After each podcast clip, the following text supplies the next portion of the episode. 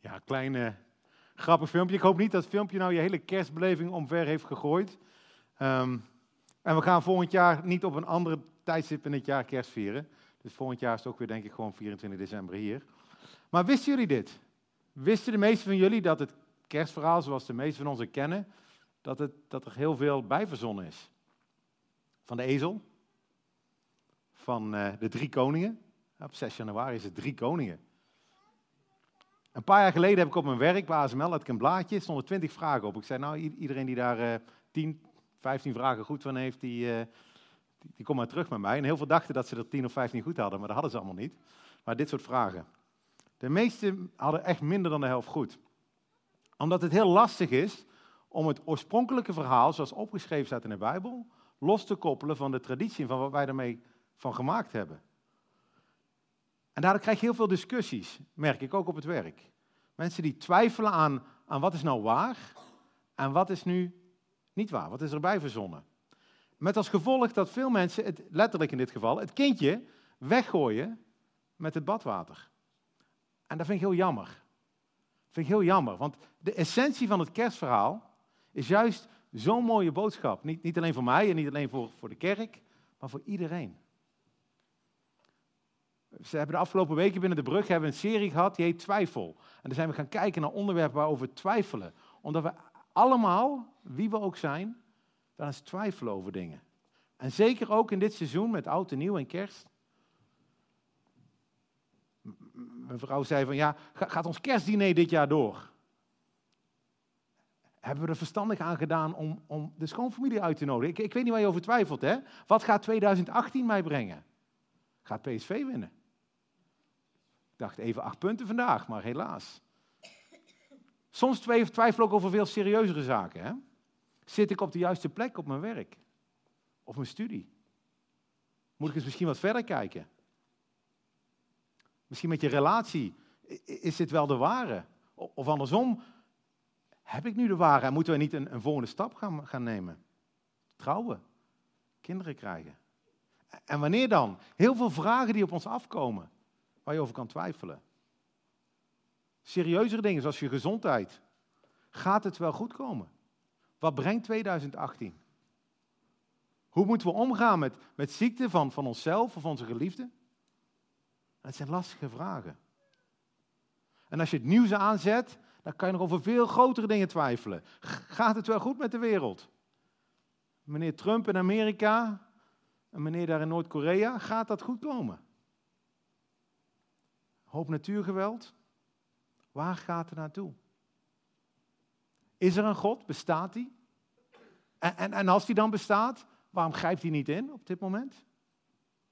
Heel veel twijfels. En ik weet niet hoe jij hier gekomen bent vanavond. Ik weet niet wat jouw vragen zijn. Ik weet niet wat jouw twijfels zijn. Wat er in je omgaat, zo rond de feestdagen, rond oud en nieuw. Voor sommigen van jullie, en Teunis zei het al, is, is dit echt the most wonderful time of the year. Hè? Ik, ik weet, ik ken mensen die vinden dit gewoon geweldig. Kerst, daar kijken ze het hele jaar naar uit. En ik, ik hoop dat je daar dankbaar voor bent, als je het zo ervaart. Um, lijkt me geweldig om het zo kerst te kunnen ervaren. En ik wens iedereen dat ook toe. Geniet ervan. Maar wat als je nou worstelt? Wat als je zorgen hebt? Als je twijfels hebt? Waar ga je dan naartoe? Als alle zekerheden om je heen wegvallen, wat blijft er dan nog over? En daarom wil ik vanavond met jullie naar het kerstverhaal kijken. En dan hoop ik dat net zoals in het filmpje waar alles verdween, toch nog de kern van vanavond overeind blijft. Dat als we samen naar het kerstverhaal kijken, dat we zeker mogen weten, zeker, dat we niet hoeven te twijfelen, dat het gebeurd is. En tegelijkertijd dat we er verwonderd over worden verwonderd mogen zijn over dit verhaal, wat we misschien een aantal van ons al, al honderden keren gehoord hebben. En dat we mogen ontdekken wat dit verhaal van betekenis is voor ons hier in Eindhoven en omgeving, nu, in 2017, bijna 18. En mijn boodschap is, het kerstverhaal is echt gebeurd. 2000 jaar geleden is er een baby geboren in Bethlehem die niet zomaar een mens is. Die niet zomaar een goed persoon is geweest of een, of een wijze leraar. Maar een baby die de zoon van God is. Die op aarde geleefd heeft en weet hoe het is om mens te zijn. Met alle emoties die erbij komen, van blijdschap, vreugde, maar ook verdriet en pijn. Maar die ook weet hoe een leven met God eruit ziet. Hoe het is om iedere dag samen met God te wandelen als mens. Jezus is gekomen om te laten zien dat God van ons houdt. En dat we met al onze vreugde en blijdschap, maar ook met onze zorgen en verdriet, met onze onzekerheden en ook met onze twijfel naar Hem toe kunnen gaan. En ik begrijp dat dat best wel een claim is. Dus ik wil eerst gaan uitleggen waarom ik geloof dat dit waar is. Dat het geen sprookje is, dat het geen mythe is. Misschien heb je films gezien of boeken gelezen waarin dat geclaimd wordt. Daar wil ik mee beginnen. Ik wil in een korte paar minuten willen kijken naar een drietal teksten uit de Bijbel. Van drie totaal verschillende schrijvers, die alle drie op hun eigen manier verwonderd zijn over het kerstverhaal. En die drie schrijvers heten Lucas, Johannes en Matthäus. En de teksten staan ook in jouw programma. En op de tafel liggen ook bijbeltjes, je kan ook meelezen als je wil. Maar, en als we de teksten lezen, wil ik aan je vragen, hoe klinken deze teksten voor jou? Waar, waar verwonder jij je over als je dit leest? De eerste tekst is van een wetenschapper, een arts, genaamd Lucas. En hij schrijft een heel boek, 24 hoofdstukken. En hij begint zijn boek met de volgende tekst. Hij zegt dit: Geachte Theophilus, ik schrijf dit boek voor u. Zo kunt u zelf lezen dat het waar is wat ze u verteld hebben. Het boek gaat over Jezus en over alles wat er met hem gebeurd is. We kennen de verhalen dankzij de mensen die erbij waren. Ze hebben het goede nieuws doorverteld. Ik heb besloten om alle gebeurtenissen op te schrijven. Er zijn al eerder boeken geschreven over Jezus, maar ik heb alles precies uitgezocht. En ik zal beginnen bij het begin. En daarna vertelt hij het bekende verhaal dat we allemaal kennen, denk ik, van een volkstelling, een geboorte in Bethlehem, Maria op de, e- ja niet de ezel, Maria met Jozef naar, naar Bethlehem. Dit boek van Lucas begint niet met de tekst ergens heel lang geleden in een land hier ver vandaan. Zoals heel veel sprookjes zijn geschreven. Dit boek begint met, ik ben zo verwonderd over wat er gebeurd zijn, is. Dat ik de moeite heb genomen om het allemaal uit te zoeken. Wat er nu wel waar is en wat er niet waar is. Lucas had zo uit Eindhoven kunnen komen, uit de Brainpoort. Hij is rationeel. Hij is verbaasd over wat mensen allemaal zeggen. Hij is verbaasd over wie Jezus was en wat Jezus zei. En hij is zelf op onderzoek uitgegaan. Hij zegt, ik heb mensen geïnterviewd. Ik heb onderzoek gedaan. Ik heb alles precies onderzocht. En dit is het resultaat van mijn studie. Vertrouw mij. En dan 22, 23 hoofdstukken. Een tweede verhaal. Verhaal geschreven door een andere meneer, die niet zo in elkaar zit als die als Lucas. Johannes. Johannes was de zoon van een visser. Uiteindelijk ook een vriend van Jezus. Hij gaat heel anders om met zijn verwondering. Hij schrijft het volgende. Hij zegt, Gods zoon is naar de wereld gekomen. Hij was eerst bij de Vader, maar kwam toen naar ons toe. We hebben hem gezien en we willen over hem vertellen. We willen jullie vertellen over het eeuwig leven dat hij geeft. We hebben hem vanaf het begin meegemaakt. We hebben hem zelf horen spreken. We hebben hem met onze eigen ogen gezien. En we hebben hem met onze eigen handen aangeraakt. Zo begint Johannes. Johannes die overtuigd is dat de Zoon van God naar de wereld is gekomen. Hij schrijft, we hebben hem gezien. We hebben hem gehoord, we hebben hem aangeraakt. We hebben met hem geleefd. We hebben koffie met hem gedronken. We zijn samen naar de Mek geweest. We hebben alles met hem beleefd. Dit is geen sprookje, zegt hij. Dit is werkelijkheid. Johannes is niet rationeel, maar relationeel. Hij kijkt door een bril en hij verwondert zich over het leven en de persoon van Jezus. En hij kan het niet nalaten om iedereen te vertellen over hem. Mijn derde tekst is een tekst van Matthäus. En Matthäus was niet zo, misschien wel een beetje uh, rationeel, ik denk niet zo relationeel. Matthäus werkte voor de Belastingdienst. die was goed met nummertjes. En die was goed met lijstjes en met regeltjes, zoals alle goede belastingmensen. Hij is heel goed met structuur, met organisatie. En hij begint ook niet met het kerstverhaal in zijn boek. Het eerste hoofdstuk van de Bijbel, geschreven door Matthäus, leest als een soort telefoonboek. Ga laten het lezen. Ik, ik, heb, ik heb een hoop eruit gehaald. Hè? Hij zegt dit. Jezus Christus komt uit de familie van David en Abraham. Hier volgt de lijst van zijn voorouders. Abraham was de vader van Isaac. Isaac was de vader van Jacob. Jacob was de vader van Juda en zijn broers.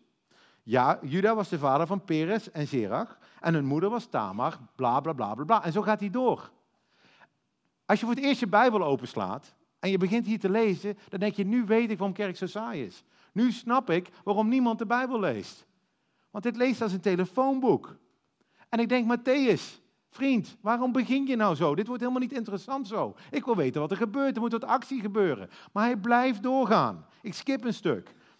De moeder van Boas was Ragab. Boas was de vader van Obed. De moeder van Obed was Rut. Obed was de vader van Isaïe. Isaïe was de vader van koning David. Hé, hey, dat wordt interessant. David was de vader van Salomo. De moeder van Salomo was Bathseba, de vrouw van Uria. En hij gaat door en hij gaat door tot hij uiteindelijk uitkomt bij Jozef, was de man van Maria en Maria was de moeder van Jezus. En Jezus wordt ook de Christus genoemd. Drie keer veertien namen geeft hij. Als je in de mee had gelezen in de Bijbelse tafel, heb je gezien dat ik pagina's heb weggelaten. Maar waarom zou Matthäus zo beginnen? Behalve dan dat hij voor de Belastingdienst werkt en een beetje raar is. Waarom zou hij zo beginnen? Je tegenwoordig, als je een baan zoekt en je komt naar ASML toe, dan vind ik het belangrijk wat jij gedaan hebt. Wat staat er op jouw cv? Welke dingen heb je op school gedaan? Welke, welke projecten heb jij aan meegedaan? Wat voor uh, artikelen heb je geschreven? Maar vroeger was het veel belangrijker waar je vandaan kwam. Wie waren je ouders? Wat waren de belangrijke mensen in jouw voorgeslacht? Dat is ook een reden dat heel veel koningen in die tijd lijsten lieten maken met waar ze vandaan kwamen. En dan zorgden ze wel voor dat de, de rare mensen, de rare neef daar en een rare tante daar, dat die niet in die lijsten voorkwamen.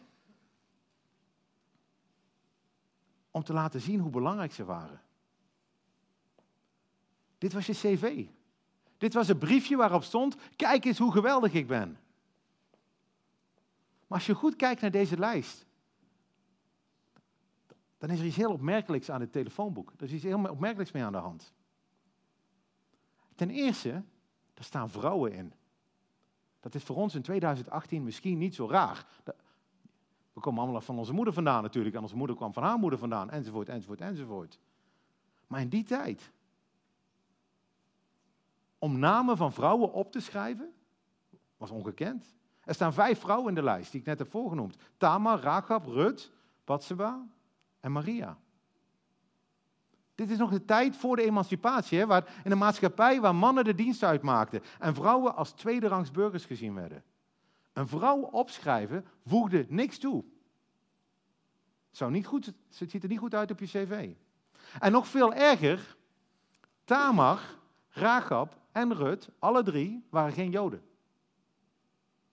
In die tijd mochten niet-Joden niet eens de tempel in. Die werden uit het centrale leven gehouden. En nu zegt Matthäus dat de zoon van God afstamt van drie vrouwen die alle drie niet Jood zijn. Dat is ongelooflijk voor die tijd. En om het nog erger te maken, zit er aan al deze vrouwen een verhaal. Door deze namen te noemen herinnert Matthäus aan, aan die verhalen die de Joodse mensen van die tijd allemaal kenden. En misschien ken jij ze niet. Er zitten kinderen in de zaal, dus ik hou de verhalen even een beetje netjes. Tamar kreeg een kind van haar schoonvader.